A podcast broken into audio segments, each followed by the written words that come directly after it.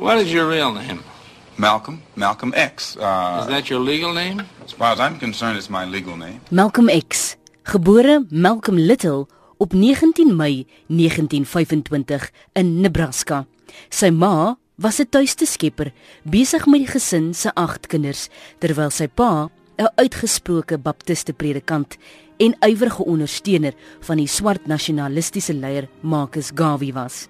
As gevolg van doodsdreigemente is die gesin gedwing om twee keer te verhuis voor Malcolm se 4de verjaarsdag. Na tragiese gebeure met beide ma en pa is die kinders verdeel tussen verskillende pleeghuise en weeshuise. Uiteindelik het Malcolm en sy ou vriend Malcolm Shorty Jarvis terugverhuis na Boston. In 1946 is hulle in hegtenis geneem en skuldig bevind op inbraak en Malcolm is gefonnis tot 10 jaar in gevangenis hoewel hy parol toegestaan is na 7 jaar.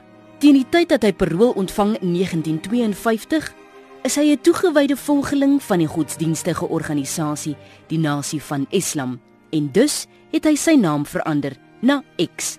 Hy beskou die Little as 'n slaaf se naam en kies die X om sy verlore stamnaam aan te dui. Have you been to court to establish the I don't. I, yeah, I didn't have to go to court to be called Murphy or Jones or Smith. Excuse me for answering you this way. That's if all a. Chinese person were to say his name was Patrick Murphy, uh, you would look at him like he's insane because uh, Murphy is an Irish name, uh, a European name, or the name that uh, has a Caucasian or, or white background. And a yellow person, Chinese is a yellow man, and uh, he has nothing to do or no connection whatsoever with the name Murphy. And if it doesn't look proper for a person who is yellow or Chinese to be walking around named Murphy or Jones or Johnson or Bunch or Powell, uh, I think it would be just as improper for a black person or the so-called Negro in this country, as we're taught by the Honorable Elijah Muhammad to walk around with these names.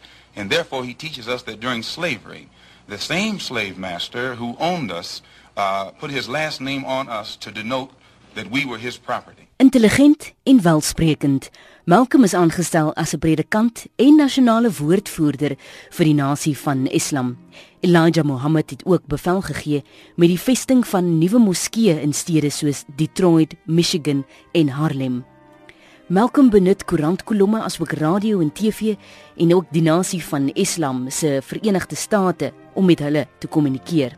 Sy karisma en oortuigende manier van kommunikasie verstom 'n aantal nuwe lede en hy is grootliks gekrediteer met die verhoging van lidmaatskap in die nasie van Islam van 500 in 1952 tot 30000 lede in 1963.